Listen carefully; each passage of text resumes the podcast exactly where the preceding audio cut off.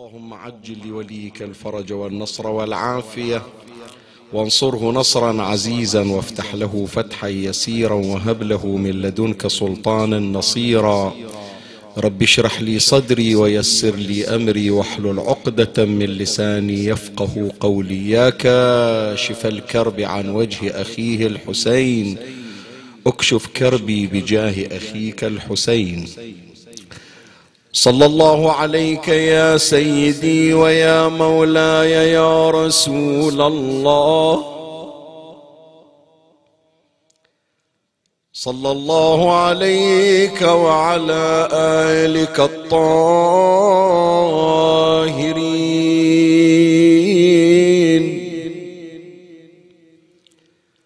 فاز من اعتصم بكم.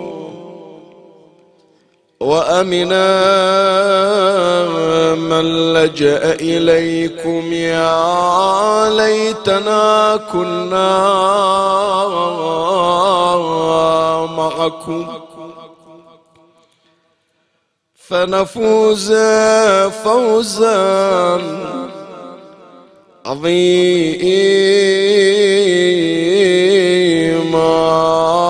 يا غريب يا مظلوم كربلاء. هذا الذي هذا الذي تعرف البطحاء وطأته والبيت يعرفه والحل والحرم. هذا ابن خير عباد الله كلهم. هذا التقي النقي الطاهر العلم يكاد يمسكه عرفان راحته.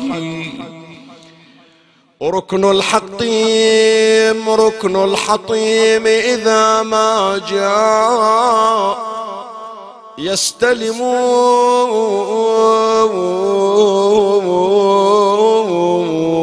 ما قال لا قط إلا في تشهده.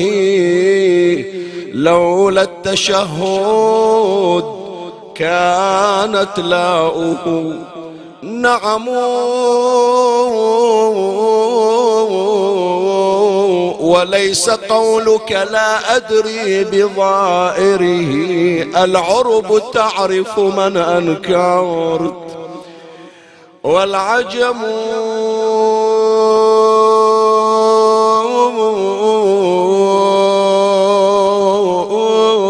هذا ابن فاطمة.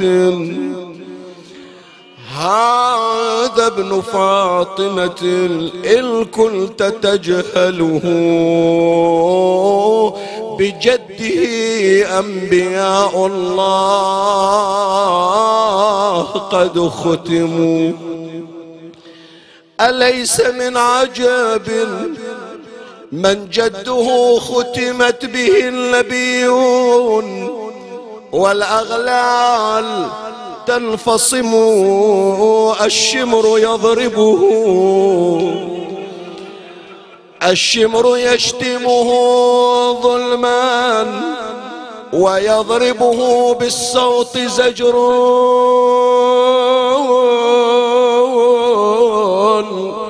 وقد آذى به السقم.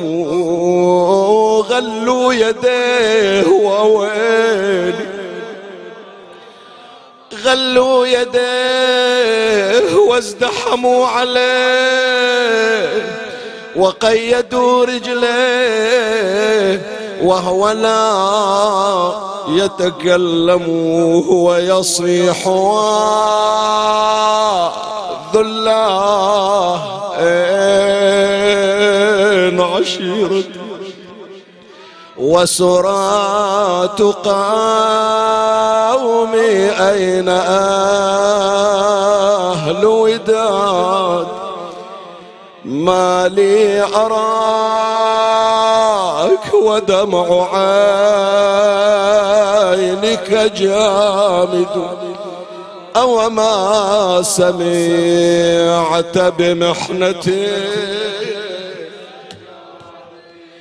ينشد ينشد قلب انكسر مدري شلون. ينشد ينشد على الجبريل لباللوح ينشد والله ما شفنا عليل بحبيل. ينشد ينشد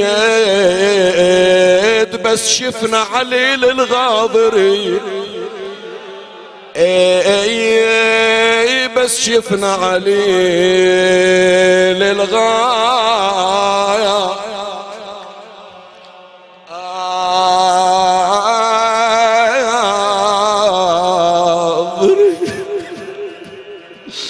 لا حين لا حين عليل مثل حنت الليب لاحين لاحين مقيد والسياط عليه لاحين شحاله من نظر للروس لاحين لاحين فوق رماح وعياله سبيع ليلة جمعة فوق رماح وعيال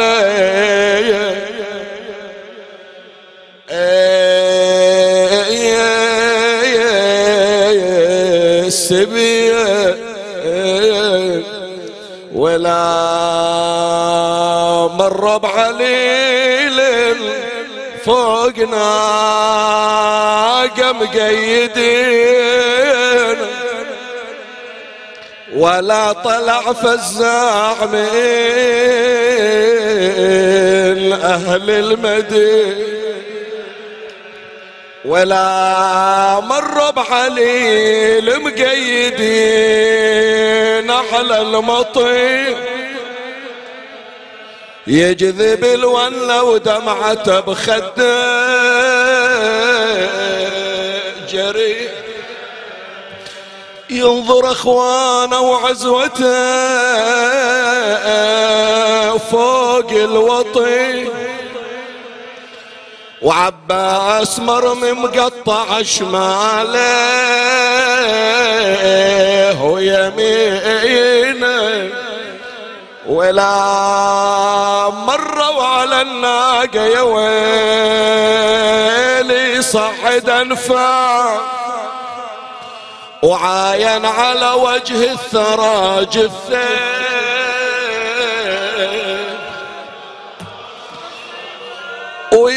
وينظر إلى صوب النهار جثة العبد وزينب تنادي سفرة القشرة علينا. هالبيت أريدك أنت تقرأ كلهم بلياروس أوس وحزني عليهم. ما حد دنا من الخلق صلى. إلا طيور من السماء تظلل عليه واجسادهم صعدت عليه العوج يصيح قرابة خط الحزن منه اللي قرابة. وكل ميت يحضرونه قرابة. ترى بس حسين ما حصل قرابة. صعدت فوق صدر العوج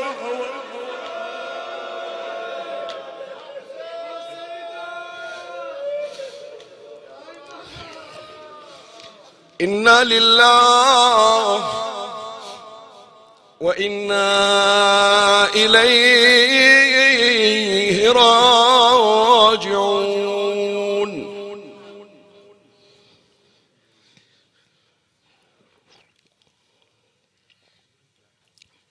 قال سيدنا ومولانا رسول الله صلى الله عليه وآله وسلم. إذا كان يوم القيامة ينادي مناد أين زين العابدين؟ فكأني أنظر إلى ولدي علي بن الحسين بن علي بن أبي طالب. يخطر بين الصفوف. صلوات الله وسلامه هذه سلسلة بعنوان كيف نتعرف على الإمام السجاد عليه السلام. وهي مكونة من أربع حلقات. هذه المجلس الشريف هو أولى حلقاتها. كل حلقة مستقلة عن الأخرى. ونحاول في هذه الليلة وفي يوم غد إن شاء الله أن ننتهل من معين إمامنا الرابع علي بن الحسين زين العابدين صلوات الله عليه. وهذه الحلقة بعنوان الإمام السجاد عليه السلام المقامات والدرجات. أحاول في هذه الحلقة أن أشير إلى بعض المقامات الخافية لعلنا نمر على مادة هذا المقام يعني على نص المقام الحديث الذي ورد يشير إلى ذلك المقام ونحفظه ولكن نحتاج إلى تأمل فيه وإلى إعمال نظر وإلى الوقوف لوهلة لننظر إلى خفايا السطور وما بين الحروف. فحديثي لهذه الليلة بعنوان الإمام السجاد عليه السلام المقامات والدرجات. أستعرض معكم إن شاء الله أربعة من مقامات إمامنا علي بن الحسين زين العابدين عليه السلام. الحديث هم معرفي من جانب وهم سلوكي وتربوي من جانب آخر. من الله أستمد العون والتوفيق ومن مولاي أبي الفضل العباس المدد وألتمس منكم الدعاء. وثلاثا بأعلى الأصوات. صلوا على محمد وآل محمد.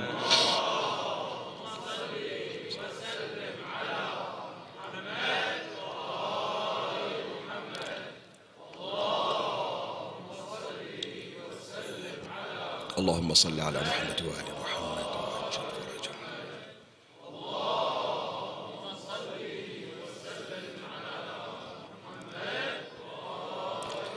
أما المقام الأول الذي سوف نستعرضه من مقامات إمامنا زين العابدين عليه السلام هو المقام الذي يطلق عليه مقام حلية العباد حلية العباد. هذا الحديث الذي قرأناه والذي صدرنا به هذا المجلس الشريف حديث الآن لا أتصور أنه يعقد مجلس لذكرى الإمام سلام الله عليه إلا ويقرأ هذا الحديث. لأنه من أبرز الأحاديث التي تبين شأن الإمام في العالم الأخروي وفي الدار الآخرة. بس هذا الحديث بحاجة أنه نتوقف عنده لأن في شيء ملفت للنظر. مفاد الحديث فحوى الحديث عن النبي صلى الله عليه وآله أنه في يوم القيامة يعني هذا من ضمن محطات يوم القيامة. محطات يوم القيامة يا أحبائي مو بس والله أنا أطلع من قبري ويوقفوني ويحاسبوني ويوزنون أعمالي وإما جنة وإما نار. لا هناك أشخاص من أهل الفضل من أهل الإيمان كل أهل العالم سيوقفون حتى يتأملوا في المقام الذي يجهله أهل الدنيا لهذه الشخصية ويتعرفون عليه في العالم الآخر. حتى الآن يعني مو بس إحنا يا إخواني مو بس سائر الناس أقصد حتى إحنا. غير إحنا نحب أهل البيت عليهم السلام نسأل الله تبارك وتعالى أن يزيدنا محبة وولاية فيهم. لكن هل عرفنا قدرهم حق المعرفة؟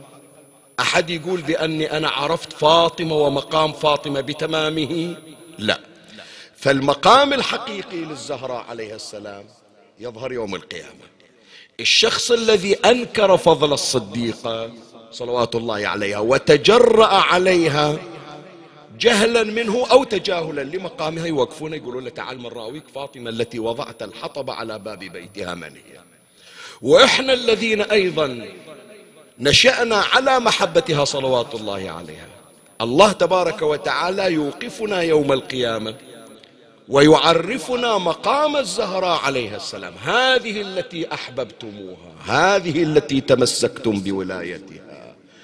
أنتم تعلقتم بها غاية التعلق ولا زلتم تجهلون ما وصلتم إلى قطره من محيطات بحر حبها في الحديث عن المصطفى صلى الله عليه وآله صلوا عليه باعلى أصواتكم.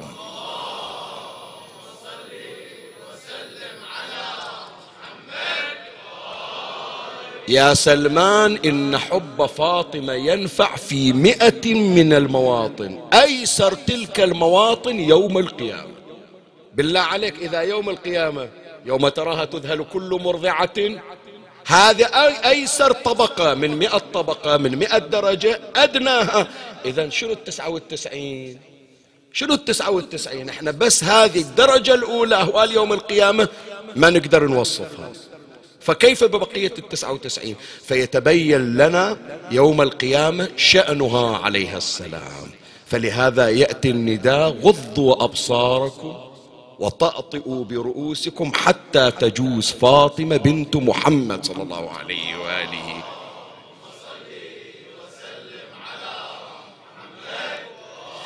زين هذه غضوا أبصاركم. ليش بعد غضوا أبصاركم؟ خو أهل النار ودوهم النار أهل الجنة ودوهم الجنة وتطلع الزهرة لوحدها بين الأنبياء وبين المقربين. والذي لا يحق له أن ينظر إلى الزهرة خلاص ودوه إلى مكان مستقرة إما جنة وإما نار. ليش يوقف ويطأطئ برأسه؟ إبراز لمقامها إظهار لشأنها المهتضم. ما عرفوا قدرها ولا عرفوا قبرها في الدنيا يعلي الله عز وجل قدرها يوم القيامة. فلهذا تقول الزهراء مولاتنا صلوات الله عليها يا عدل يا حكيم لا أدخل الجنة حتى يعرف قدري. القدر المضيع أريد الناس يكون تعرفه فإذا واحد من محطات يوم القيامة معرفة القدر معرفة الشأن معرفة المنزلة ومن ضمن من يريد الله تبارك وتعالى إبراز شؤونهم ومقاماتهم صاحب هذه الليلة. إمامنا زين العابدين سلام الله عليه. هي واحدة من محطات يوم القيامة. غير الحساب غير تطاير الكتب غير الشفاعة غير كل شيء. لا. ينادي مناد كما يقول رسول الله صلى الله عليه وآله ينادي مناد أين زين العابدين؟ فكأني بولدي علي بن الحسين بن علي بن أبي طالب يخطر بين الصفوف. يعني كما ينظر الناس إلى مقام جدته فاطمة سلام الله عليها لابد أن يوقفوا لرؤية مقام صاحب هذه الليلة وهذه الذكرى وهو الإمام زين العابدين عليه السلام. طيب هذا الآن الاستعراض والاستهلال لهذا المقام الأول. يفتح أمامنا أبواب. الإمام من يجي يعبر والمنادي ينادي من العرش أين زين العابدين؟ هو بس هذا ياسين صاحب المعاصي والذنوب بس ذولا أصحاب الخطايا. لولا هناك أنبياء هناك أوصياء هناك رسل هناك أولياء. شوف العبارة وانظر إلى النكتة الخفية فيها. في هؤلاء الذين هم من الصفوف الذين يخطر بينهم زين العابدين جده المصطفى صلى الله عليه وسلم. خمسة من أولي العزم مئة وأربعة وعشرون ألف نبي ورسول. غير الأوصياء غير القديسون غير غير القديسين غير الأوصياء. الذي يطلق عليه زين العابدين. لا نبي ولا وصي ولا رسول ولا صديق ولا أي أحد إلا شخص واحد. هذا مفاد كلام النبي صلى الله عليه وآله. هو زين العابدين بمفرده. طيب فيأتينا هذا الإشكال. الشبهة اللي يمكن تتوارد إلى الذهن هل كانت عبادة إمامنا عليه السلام أرقى من عبادة جده محمد؟ صلى الله عليه وآله. من المفروض يكون زين العابدين؟ مو المفروض رسول الله صلى الله عليه وآله. هل يقول أحد منا أو من المسلمين أو أي أحد أن عبادة زين العابدين هي أقرب إلى الله من عبادة جده رسول الله صلى الله عليه وآله؟ أحد يقدر يتجرأ؟ فليش ما خلوا النبي يكون زين العابدين ويقوم هو يخطر الصفوف؟ ليش ما خلوا إبراهيم الخليل؟ ليش ما خلوا جد أمير المؤمنين عليه السلام؟ زين هو نفس الإمام سلام الله عليه. الإمام يقول عبادتي لا تصل إلى عبادة جدي علي بن أبي طالب. خلي بعد جد جده المصطفى. هو مو, مو كلام شيخ ياسين ولا كلام أي واحد. هو الإمام صاحب الشأن. يقول بأنه لا يقوى على عبادة جده علي بن أبي طالب. خلي أقرأ لك الرواية الرواية عن الإمام الصادق عليه السلام. قال الإمام الصادق صلوات الله عليه يرويها العلامة المجلسي في بحار الأنوار.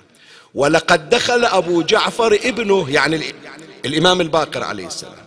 ولقد دخل أبو جعفر ابنه عليه فإذا هو قد بلغ من العبادة. الآن الإمام الصادق عليه السلام راح يوصف عبادة جد زين العابدين. شوف وصفه شلون. فإذا هو قد بلغ من العبادة ما لم يبلغه أحد. فرآه وقد اصفر لونه من السهر ورمضت عيناه من البكاء ودبرت جبهته وانخرم أنفه من السجود. طبعا خلي ألفت نظرك لأن البعض يمر على هالرواية أنه انخرف انخرم أنفه من السجود أو أدبرت جبهته من السجود. يقول يعني شنو؟ مشوهة صارت الأنف يعني مخروق لا مو هذا. وإنما هذا جايب لنا الإمام سلام الله عليه لبيان أنه السجود الشديد أثر في الأنف والجبهة. فيعبر عنه بعبارة انخرم أنفه أو أدبرت جبهته. قال ودبرت جبهته وانخرم أنفه من السجود وقد ورمت ساقاه وقدماه من القيام في الصلاة. فقال أبو جعفر يعني الإمام الباقر عليه السلام فلم أملك حين رأيته بتلك الحال البكاء فبكيت رحمة له. صح فرحني أن أبوي يعبد الله. لكن أثرت العبادة على جسده الشريف فبكيت رحمة له.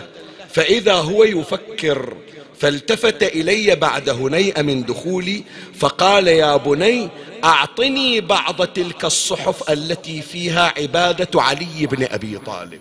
هذا موضع شاهدنا من الرواية. الإمام زين العابدين عليه السلام عنده مجموعة من الكتب اللي يعبرون عنها صحف فيها مناجاة أمير المؤمنين أدعية أمير المؤمنين. يأخذونها كمنهج أهل البيت يأخذونها كمنهج يعني ينتهجون منهاج أمير المؤمنين في العبادة. فيقول له أعطني بعض تلك الصحف التي فيها عبادة علي بن أبي طالب عليه السلام. يقول الإمام الباقر فأعطيته فقرأ فيها شيئا يسيرا ثم تركها من يده تضجرا وقال من يقوى على عبادة علي بن أبي طالب؟ يعني إحنا بمصطلحنا ولفظنا الدارج يقول أنا وين؟ وعبادة جد علي بن أبي طالب عليه السلام. هذه إذا مر عليك الحديث كلنا في الفضل سواء وعلي وشأنه. من شأن علي عبادة علي؟ أن سائر الأئمة من الإمام الحسن حتى إمامنا قائم آل بيت محمد. على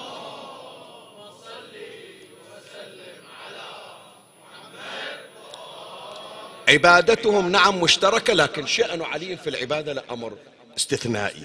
شأن النبي صلى الله عليه وآله أمر استثنائي. فهذه الرواية وغيرها إذا ثبت أن عبادة علي بن أبي طالب عليه السلام هي أرقى وأعلى وأسمى ولا يقوى عليها إمامنا زين العابدين. فكيف يكون الإمام زين العابدين عليه السلام هو زين العابدين والأولى أن جده علي بن أبي طالب يكون هو زين العابدين.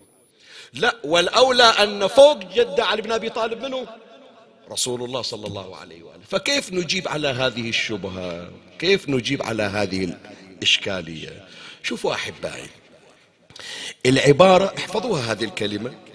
العبارة ليست تفضيل وإنما تمثيل.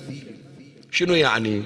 يعني النبي من يقول صلى الله عليه وآله أن المنادي حينما ينادي أين زين العابدين؟ يقوم زين العابدين. مو معنى هذا بأن زين العابدين أفضل من جد النبي أفضل من جد علي أفضل. لا. وإنما أراد النبي أن يبعث ممثلا وأراد أمير المؤمنين أن يبعث ممثلا وأراد الأنبياء أن يمثلوا في يوم القيامة شخصا يجمع عبادة كل الأنبياء فكان الممثل منه هو أحسنت. إمامنا زين العابدين عليه السلام. فإحنا من نشوف بعض الخواص لا تتصورون بأن هذه دليل على أن هذا الشخص صاحب الخاصية أفضل. الآن حتى أقرب لك هذا المثال. من أولى بأن يولد في الكعبة؟ علي أم رسول الله؟ إذا هي القضية تدل على أنه هو الأفضل. فإذا المفترض بأن النبي هو الذي ولد في الكعبة. زين من الأولى أن تكون تربته فيها الشفاء؟ رسول الله صلى الله عليه وآله أو علي بن أبي طالب. بس هذه خاصية مو معنى هذا بأن الحسين صار أفضل من علي. ولا هذا معنى بأن علي صار أفضل من النبي. وإنما خصه الله تبارك وتعالى. شايف؟ وجعل هؤلاء العظماء ممثلا لهم يمثلهم. ما يجي كل واحد 124 ألف نبي ورسول كل واحد يقول هي عبادتي. يريدون واحد يمثل عبادة الأنبياء والرسل. فالذي يمثل الأنبياء ويمثل الرسل ويمثل الأوصياء ويمثل كل عابد عبد الله حق عبادته يوم القيامة من هو؟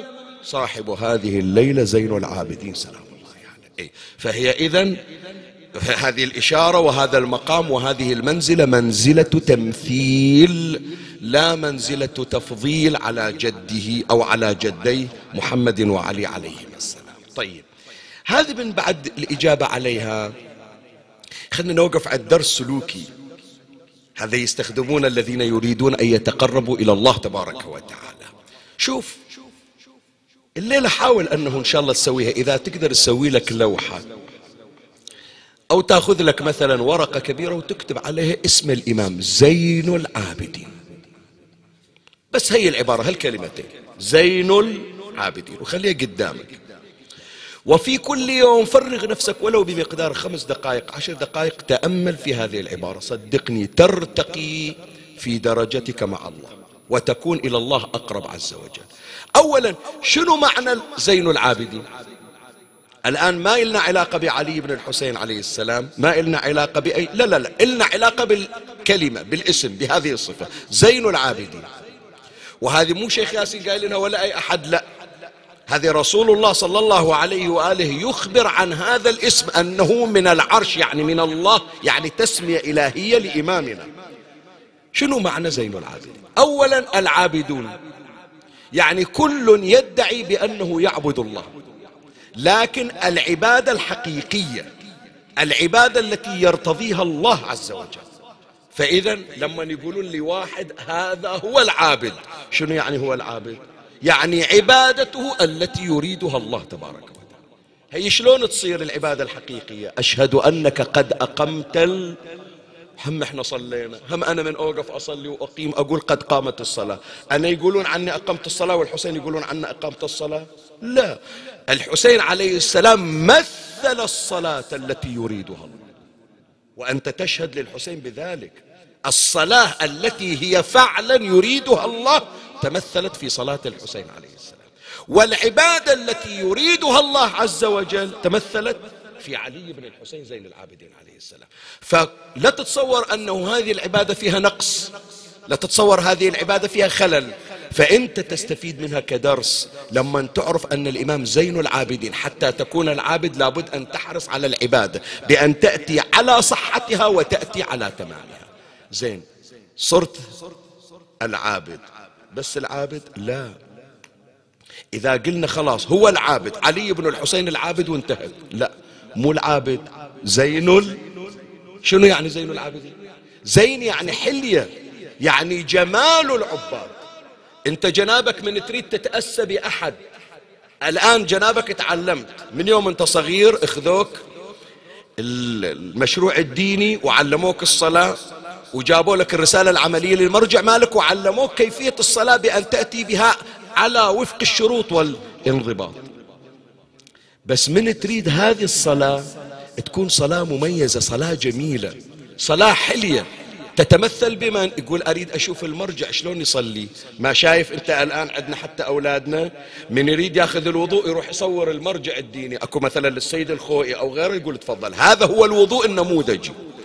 طيب المرجع من يريد إلى حلية وزينة إلى وضوء أو إلى صلاته ياخذها من وين؟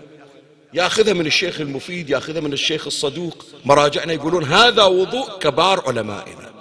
زين الشيخ الصدوق هالنوب من يريد ياخذ أسوة وحلية وزينة لوضوئه. ياخذها من منو؟ ياخذها من سفير الإمام. سفراء الإمام الحجة أرواحنا في ذا الأربعة. يقول هذا وضوء حتما هو وضوء الإمام صاحب الزمان. إحنا ما نلحقه حتى لو حاولنا إتقانه. هذا حتما الإمام معلمنا. طيب سفير الإمام سلمان الفارسي أبو ذر حبيب بن مظاهر من يريد يتأسى يتأسى بمن؟ بالإمام سلام الله عليه. صحيح لو لا؟ فالآن إذا جينا إلى عبارة العابد زينة العباد يعني جمال العبادة سر العبادة حلية العبادة عند زين العابدين عليه السلام. فإذا يا أحبائي ليلة ليلة الجمعة نحن قضينا هذا الموسم أسأل الله تبارك وتعالى أن يتقبله منا.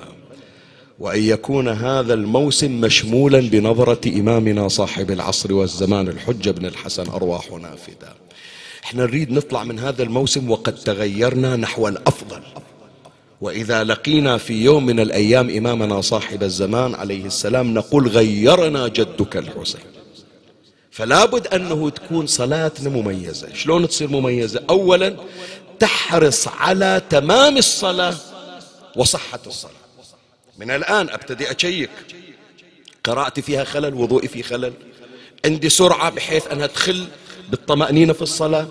فأحرز على إتقان العبادة. وحدة تاليها صارت عبادتي متقنة. شيخنا أنا الحمد لله درست عند الشيخ. الشيخ عرض عليه صلاتي قال صلاتك صحيحة. ما يكفي. لابد أن تكون زين عابدين وأن تكون حلية عابدين. أنت أيها الأب أنت أيها الزوج أنت أيها الصاحب أنت عندك شلة عندك جروب. مو بس تصير صلاتك مثل صلاة اللي وياك لا. خلي يصير عند صلاتك جمال بحيث ربعك اللي وياك بالجروب اللي وياك بالحسينية اللي وياك بالخدمة. انتو يلي تشتغلون بالمطبخ بالإعلامية في الحسينية من يصير وقت الصلاة وتوقفون. مو بس والله أنا تميزت في طبخي أو تميزت في تصويري لا. أريد صلاتي تكون محل تأسي. وهذا درس من إمامنا زين العابدين سلام الله عليه. فإذا أول مقام من مقاماته مقام حلية العباد. زين. المقام الثاني وهذه من أهم المقامات التربوية لنا والمعرفية أيضا لنا حول الإمام سلام الله عليه. شوف إحنا الآن الليلة هذه ليلة الجمعة. المفروض الناس خلصت من عاشوراء وتعبت قالت نرتاح. لكن سبحان الله هذا الحضور الآن لا يقل عن حضور ليلة السابع وليلة التاسع. وهذا دليل عشقنا للإمام سلام الله عليه. يعني. خلي شوية أوجه الخطاب لأولادي ولبناتي. أسألكم إحنا اللي نحضر قاعدين نبكي عليه ونلطم عليه صدر. هل تتصور أنه سيأتي يوم وستلتقي فيه؟ قد واحد يقول شلون شيخنا التقي فيه؟ يعني لين رحنا المدينة نزور قبره؟ لا.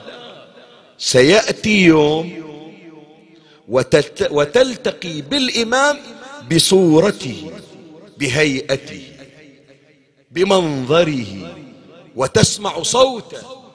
شلون؟ وين هذا؟ خلي الآن ما نحكي عن مبحث الرجعة في دار الدنيا.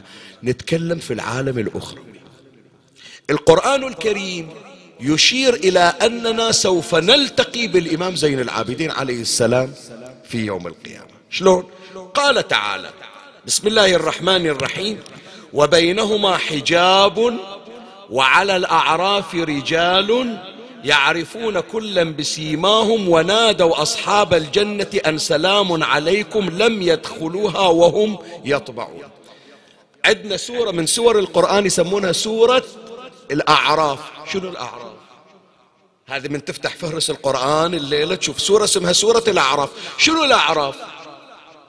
الأعراف يقولون إذا وصلنا في يوم القيامة إلى نهاية المطاف الآن أما الجنة أو النار. إن شاء الله من أهل الجنة.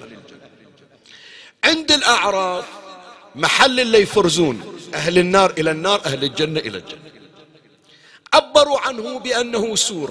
بعضهم يقول صراط أيا كان حاجز. عاد هذا الحاجز صراط جسر ممار معبر ما لنا شغل. هو محل ينفصل فيه أهل الجنة عن أهل النار ويفرز أهل النار عن أهل الجنة. زين من الذي يقوم بالفصل؟ ومن الذي يقوم بالفرز؟ الذين يقومون بعملية الفرز يودون أهل الجنة إلى الجنة وأهل النار إلى النار. هم محمد وآل محمد صلوات الله عليهم.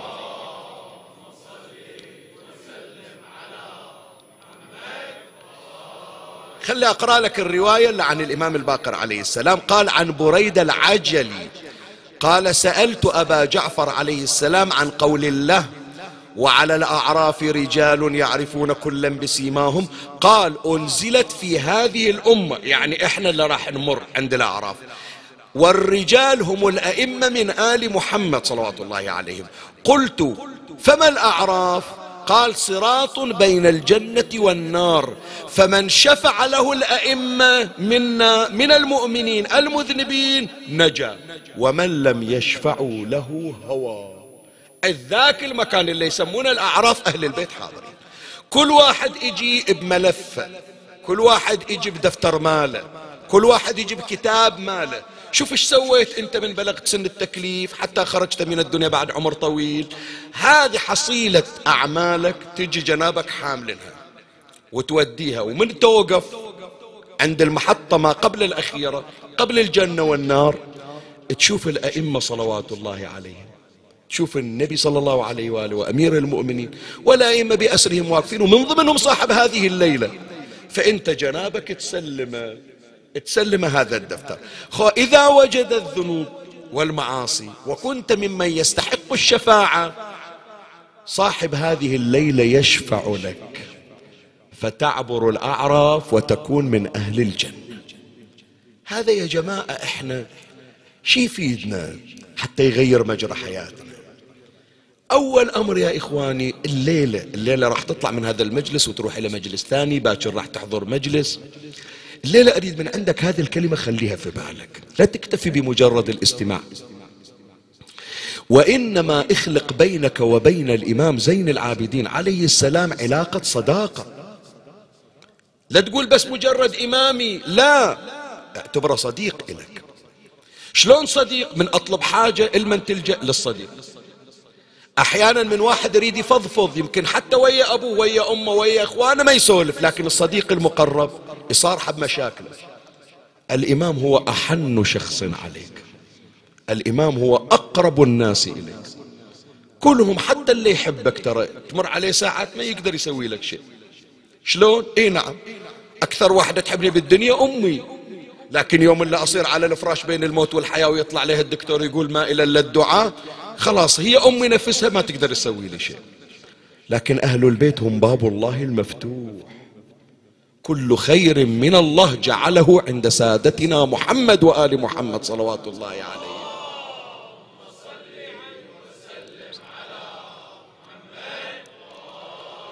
فهم أهل البيت أولى الناس بالصحبة والصداقة. تكون علاقة شيخنا شلون أكون علاقة وياك؟ لما تروح إلى البقيع. لا تتصور بأنه رايح بس إلى مجرد قبر توقف تسلم عليه وانت ماشي. لا اعتبرها روحة زيارة إلى صديق. شلون أنا أقول لك؟ بس فكر في هالكلمة يعني هذا الآن حتى نتشوق الليلة جمعة والقلوب ترفرف على تلك القبور المهدومة. إي والله. شوف جنابك فرض أنت طالع ما أقول لك ضارب مشوار 1200 1400 كيلو لا أقول لك طالع إلى مكان قريب عندنا خلنا نقول الخبر. خمسين كيلو وصلت. ورايح لمحل حتى تشتري بضاعة وترجع. كلها ما تكلفك ساعة تروح للمملكة وترجع. ويوم اللي تروح تشوف المحل مسكر. تقول حسافة لو مو حسافة. مع العلم هي ساعة ساعتين طالع ورجعت. بس لا رايح أشتري بضاعة. والمحل اللي رايح أشتري منه البضاعة طلع مسكر. والآن لازم أجي مرة ثانية. تتصل وذاك اليوم مزاجك يتخربط. صحيح لو لا؟ والحال بضاعة كلها يمكن ما تكلف مية ريال ميتين ريال. فإذا جئت إلى البقيع فوجدت قبر الإمام مغلق ومنعت عن زيارته. فإذا فتح باب الزيارة وجئت بكل لهفة وشوق طردت عن قبره المهدوم. تكسر خاطرك لو لا كسرت قلب لو مي كسرت قلب. انت مت... مو متعود يا جماعة اسمعوا لي شوية ما يخالف. خلينا نحكي بمنطق المشاعر والوجدان. خلي جانب الاعتقاد على كثر الآن. خلي أحكيك بلهجة بلهجة الوجدان والمشاعر. إحنا مو متعودين على قبر مهدوم. إحنا متعودين هذه الليلة ليلة الجمعة اللي راحوا مشهد ولا راحوا كربلاء كل واحد. ها جودت الشباك لو لا وصلت للضريح لو ما وصلت للضريح. هي تقولها عند الكاظم تقولها عند العسكريين تقولها في مشهد تقولها في كربلاء تقولها في النجف. تقولها في البقيع عمي. جاوبني لا تبكي أول رد علي. واحد يقول أنا يوم من الأيام قدرت أحط خدي على قبر صاحب هذه الليلة. شوف هذه الحرقة اللي عندك هذه علاقة الصحبة الحقيقية هذه علاقة الصداقة الحقيقية. هذا هو العشق الحقيقي أن تكون عندك لهفة تجاه ذلك المرقد. فإذا وجدت هذه العلاقة لا حتى ولو كنت بعيدا. فإن الإمام في قلبك وبالتالي حتى يشوفونك واقف في الصحن صحن الحرم. إيش عندك واقف؟ جاي لحبيبي أزوره. أي حبيب؟ هناك. في ذيك المقبرة اللي مسكرينها. شايف أنا بعض المؤمنين الله يجازيهم بالخير. نص الليل نص الليل ترك الفندق وطلع. وين؟ في الروضة؟ قال لا. في الصحن؟ قال لا. في وين؟ قال مقابل البقيع. ما دخلوني واليوم ما زرت. بس أقعد هناك وأزور هناك. وينهم اللي راحوا الحج؟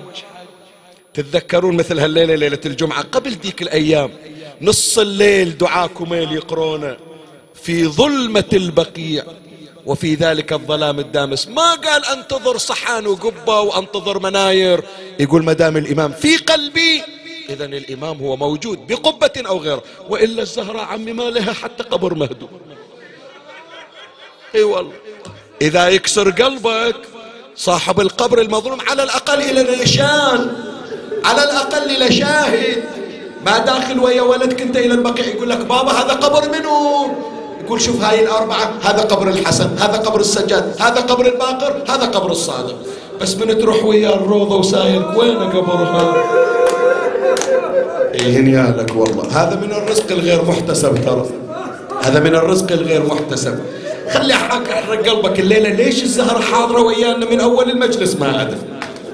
من يقول يا الذي للبيت عاني. وقاصد زيارة نبينا.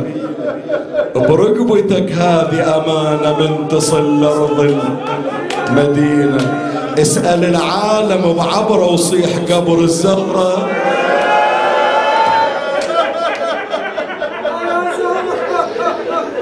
بعد أمرت قلبك الليلة. شيخنا ندلي حتى لو ما شفنا إلى ضريح. ندلي إذا مو في الروضة في البقيع. ما يخالف. كم خبر في الكتب نسمع؟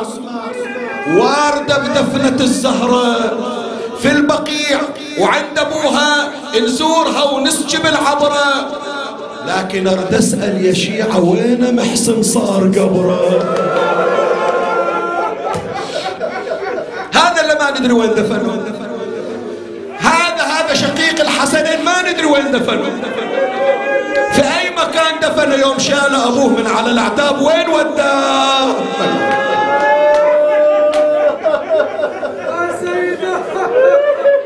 اي خلاص بعد عمي هالمقدار هذا أكتفي فيه. هالمقدار أكتفي به خلاص. بعد المجلس حضر كأن مولاتي تقول لي خلاص منا وقف وحط نقطة آخر الصلاة. باقي الكلام هذا يأتي عليه إن شاء الله في مظانه واحدة من مقاماتي حتى الليلة تطلب حاجتك. وذول اللي طلبوا من عندنا من العراق من عمان من الإمارات من الأحساء بالبحرين اللي قالوا عندهم المرضى وبين الموت والحياة يكون نذكرهم بهذه القضية بنية شفائهم وقضاء حوائجهم. كل حاجة تريد قضاءها اطرق باب زين العابدين كل حاجة. حاجة رزق حاجة شفاء عندك سجين عندك مكروه عندك دين أمر متعسر إمامنا باب الحوائج. شلون أنا أقول لك هذه مسك الختام؟ أذكرها وأختم المجلس. الفرزدق الشاعر الفرزدق الشاعر ذاك اليوم جاي إلى المسجد الحرام في موسم الحج. وجاي الإمام زين العابدين سلام الله عليه. وبس وصل الإمام والناس تطوف حول الكعبة وقد ازدحموا على الحجر الأسود. ما احتاج الإمام لا يدافع ولا يقول له واحد وخر بمجرد أن نظروا إلى نور الإمامة انفرجوا سماطين.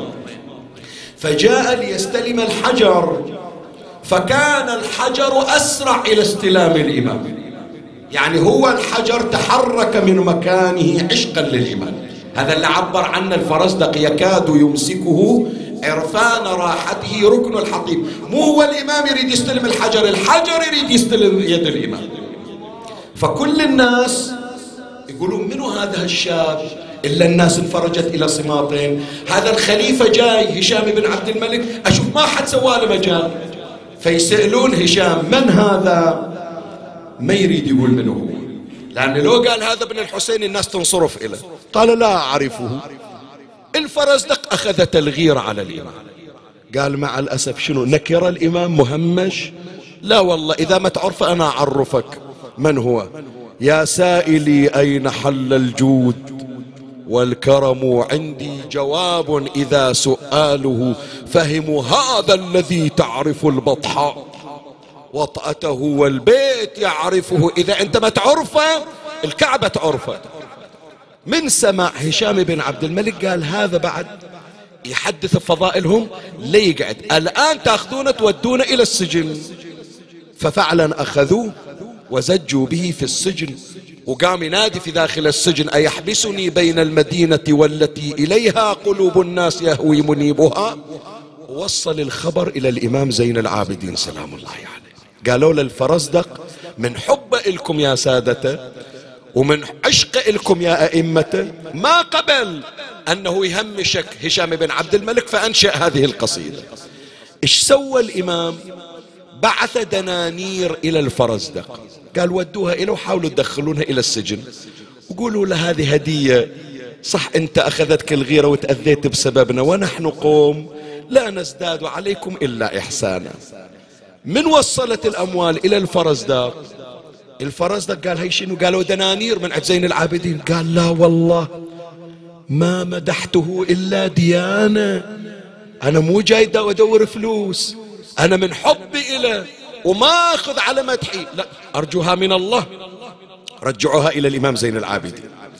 فهذا الرسول أخذ المبلغ رجعها إلى الإمام. قال له سيدي أبى الفرزدق أن يأخذها.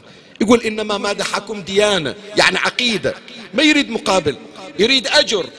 قال الإمام أخبره بأن الله قد شكر له هو على أجره وثوابه ولا يرجع علينا عطيتنا. ودها إلى ففعلا وداها إلى الفرزدق. الفرزدق ظل بالسجن. هي الكلمة اللي أريد أقولها إليك الفرزدق ظل بالسجن. كل يوم يجون إلى يقولون له ما راح تطلع. منيتك في السجن. جهز نفسك اليوم باكر تعدم تقتل. وخلي إمامك اللي مدحته يطلعك من السجن. وهذا راتبك حتى لو طلعوك. من وين بتاكل؟ محونا اسمك من الديوان. فلا معاش عندك لا راتب يمشي لك. وهم انت معرض إلى الإعدام إلى القتل. هو انكسر قلبه. إهانة كل يوم إذلال كل يوم انكسر قلبه. في يوم من الأيام شاف واحد جاي يم السجن قال له ما تروح إلى امامي زين العابدين؟ قل له سيدي يقول لك الفرزدق خادمك ضاق صدره. بالسجن وكل يوم يشمتون به ويهددونه وقطعوا عطاءه. متى الفرج. فمن اجى هذا الرسول إلى الإمام زين العابدين عليه السلام. قال له سيدي خادمكم الفرزدق بالسجن يسلم عليك. ويقول لك متأذي شماتة وإهانة. فرفع الإمام يديه إلى السماء ودعا للفرزدق من أقول لك باب الحوائج. زين العابدين باب الحوائج.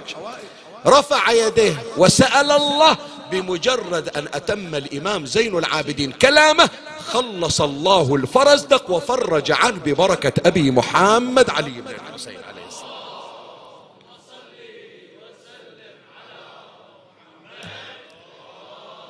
الله يفرج إن شاء الله عن جميع المؤمنين من مرضى من غرباء من مبعدين أينما كانوا كل صاحب حاجة وصاحب هم.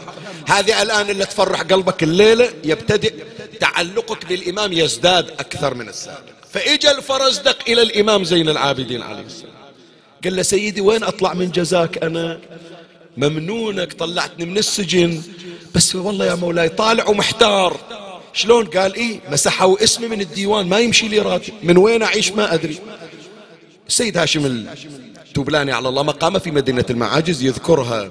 يقول فسأله الإمام قال كم كانوا يعطونك؟ كم كان يمشي إليك? قال كذا هل قد مبلغ يمشون إليه يقول فأخرج الإمام راتب لمدة أربعين سنة. وسلمها إليه قال له هذه من رواتبك الشهرية. كل سنة 12 شهر إلى أربعين سنة قدام. ولا توقف على بابهم. ولا تاخذ درهم من عندهم. تخيل إلا واحد رزقه وأكله وشربه من وين؟ من زين العابدين. شوف إيش قد الكرامة. شوف مع العلم يا جماعة خلوها في بالكم يا أحبائي يا أولادي يا إخواني. الفرزدق لو تدور بديوانه ما عنده إلا هالقصيدة بس في الإمام. بس ترى ديوان الفرزدق إيش كبره؟ كله مساجلات ويا جرير ويا كذا وكله مع مدح وغير. في الإمام هي القصيدة هذا الذي تعرف. بس عمي هي مي بالكمية القضية بالنوعية. قالها بصدق وبيت واحد. شوف إيش عطاه الإمام. قال له أربعين سنة. هذا الراتب يمشي لك من عندنا ولو علمت اسمع ولو علمت أنك ستعيش بعد أربعين سنة كان عطيتك إلى وقت منيتك لكن أنا أدري الله عاطنك عمر أربعين سنة. وبقي الفرزدق أربعين سنة. يأكل من زاد الإمام ومن خير الإمام زين العابدين. وخرج من الدنيا ولم يدخل إلى جوفه درهم من غير الإمام زين العابدين. طلع من السجن. طلع من السجن. والحال الفرزدق يوم ودوه السجن. ما سمعنا بأن جامع على صدره. ولا غل ولا قيد في يديه ورجله. ومع ذلك ما رضى زين العابدين إلا يطلع من السجن. زين خلنا نفترض نقول ما يخالف. جابه والحديد بإيده ورجله. هل قرأت في التاريخ أن الفرزدق كانت معه عماته وأخواته سمعت الفرزدق يوم ودوه إلى السجن عند أخت صغيرة جابوا لها راس أبوها في طاش. يعني خلي أذكر لك هذه ولو أنها ما موجودة في الكتب لكن وجدانا يعني من نقرأ الحدث ما بين السطور يا جماعة رقية لما ماتت على رأس الحسين. منو اللي شالها؟ زين. زين مولاتي زينب من تشيل رقية رقية ماتت والراس بحضنها. إذا تشيل الراس رقية تطيح. إذا تشيل رقية الراس يطيح. فأنت تتصور مولاتي زينب شالت الراس لو رقية؟ لا ما ندري. لكن يفتح أمامنا تساؤل زين العابدين ماذا رفع؟ رفع أخته عن رأس أبيه أو رفع رأس أبيه عن أخته رقية. فأقول له يا مولاي أخذتك الغيرة على الفرزدق ذاكر بيت بيتين في مدحكم ما قبلت واحد من شيعتكم. ويا مولاي تنظر إلى عماتك وأخواتك في تلك الخربة بلا صدق يقول والله لقد تقشرت وجوه عماتي وأخواتي من حرارة الشمس. جاء المنهال بن عمرو إلى الإمام زين العابدين نظر إليه في الشام والجامعة على صدره. والقيد في يديه والغل في رجليه. يقول العلامة المجلسي وكان الإمام زين العابدين إذا مشى ينضح الدم من بين ساقيه. أيوا ويله. قال له المنهال بن عامر سيدي كيف أصبح؟ قال يا منهال أصبحت العرب تفتخر على العجم بأن محمدا منها وأصبحت قريش تفتخر على العرب بأن محمدا منها اسمعني. وأصبحنا آل محمد مطرودين. مقهورين. يا من آل وضعونا في خريبة لا سقف لها لا تقلنا عن حر ولا قار. ولقد تقشرت وجوه عماتي واخواتي ليلة الجمعة ليلة الجمعة. أريد حنة من عندكم. كيفك؟ وين تريد توديها؟ بكيفك. تريد توديها إلى البقيع براحتك. تريد توديها إلى كربلاء ويا الزوار. بألف عافية. لا تريد توديها إلى الغريبة في سوريا اللي صار لك سنوات ما زرتها بس أريد من عندك حنة إلا تسمعها فاطمة. الليلة قلبي ذاب يا منهال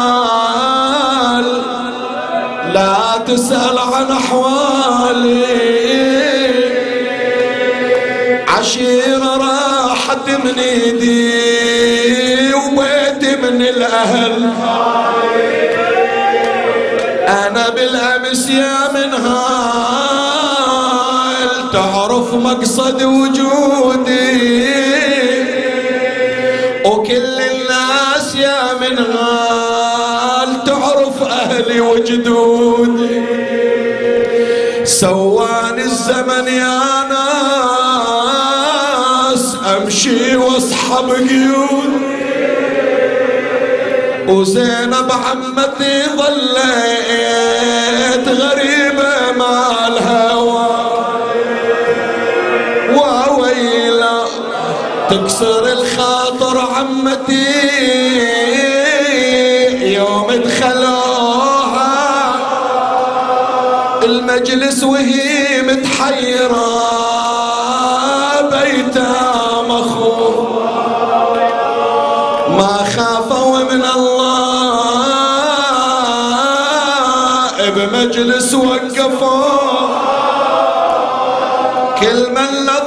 قال هذه خارجي. البيت قاسي وموجع بس يريد من عندك ونه. تكسر الخاطر عمتي. يوم دخلوها وسط المجالس باليتامى.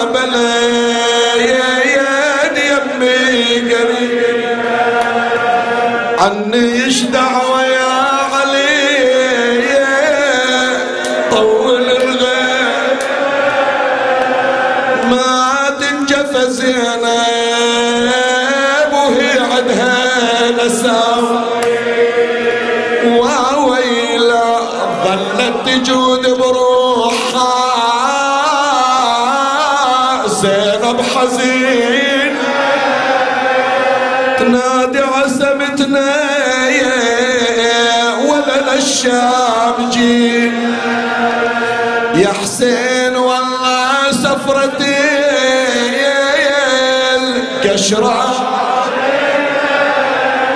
بديار غربة يا خلوق ضيعني حسين. ودوا لشيعتنا خبر عن ضيم حالي وضيعتي. بالشام آيا بلوتي. ما تنوصف يا شيعتي. دقوا الصدور هلوا الدمع لا من ذكرت مصيبتي. ليش؟ ويا العليل مكتفة والحبل جرح رقبتي تعتب على منو زينب؟ سؤال أسأل. هذا مسك الختام بعد إيش نقرأ أكثر تعتب على منو زينب؟ تعتب على الحسين؟ راسه بالطشت ينضرب قدامه. تعتب على أبو فاضل راسه على الرمح قدامه. تعتب على زين العابدين الجامعة على صدره. سمعت عن واحد في النجف يسمونه حلال المشاكل. ما واحد يصيح يا علي إلا ويحضر لعلي. قالت خلاه ناديه يمكن يحضر لبناته. يا نور المساجد والمدارس يا ذباح كل سبع وفارس علي علي ترضى يا مل الدين حارس. يدخلون زينب. شهالمجلس هذا؟ شهالمجلس أربعين صار. حيدار يا أبويا ما تجينا وتشوفنا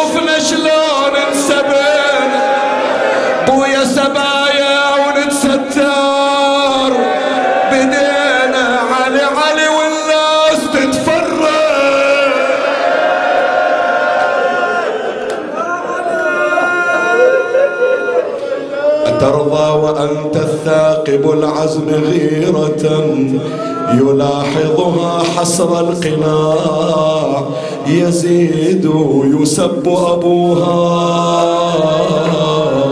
عند سلب قناعها ولا ستر إلا ساعد وزنود بناتك يا كرار صرن سبيل.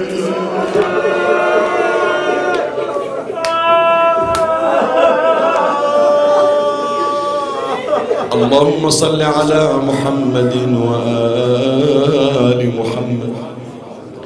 يا دائم الفضل على البرية يا باسط البيدين بالعطية يا صاحب المواهب السنية. صل على محمد وآله خير الورى سجيه واغفر لنا يا ذا العلا في هذه العشية فإليك يا ربي نصبت وجهي وإليك يا ربي مددت يدي. فبعزتك استجب لي دعائي وبلغني مناي ولا تقطع من فضلك رجائي. واكفني شر الجن والإنس من أعدائي يا سريع الرضا يا سريع. اغفر لمن لا يملك إلا الدعاء فإنك فعال لما تشاء. يا من اسمه دواء وذكره شفاء وطاعته غنى. ارحم من رأس ماله الرجاء وسلاحه البكاء. يا سابغ النعم يا دافع النقم يا نور المستوحشين في الظلم يا عالما. لا يعلم صل على محمد وآل محمد وافعل بنا ما أنت أهله. توجهوا إلى جهة القبلة ندعو لإمامنا. اللهم كن لوليك الحجة ابن الحسن صلواتك عليه وعلى آبائه.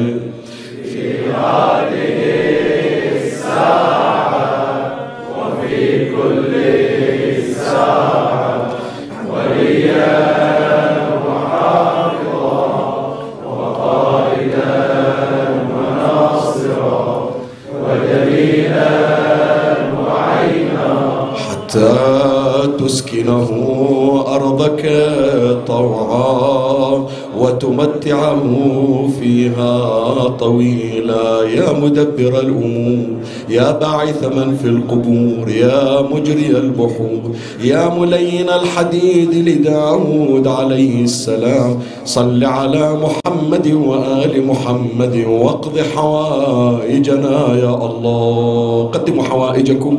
اذكروا المؤمنين ممن سألون الدعاء. اللهم اقض حوائجهم وفرج عنهم. ترحم على أموات وأموات الباذلين والسامعين والمؤمنين. أوصل لهم ثواب هذا المجلس وبلغهم ثواب الفاتحة مع الصلوات.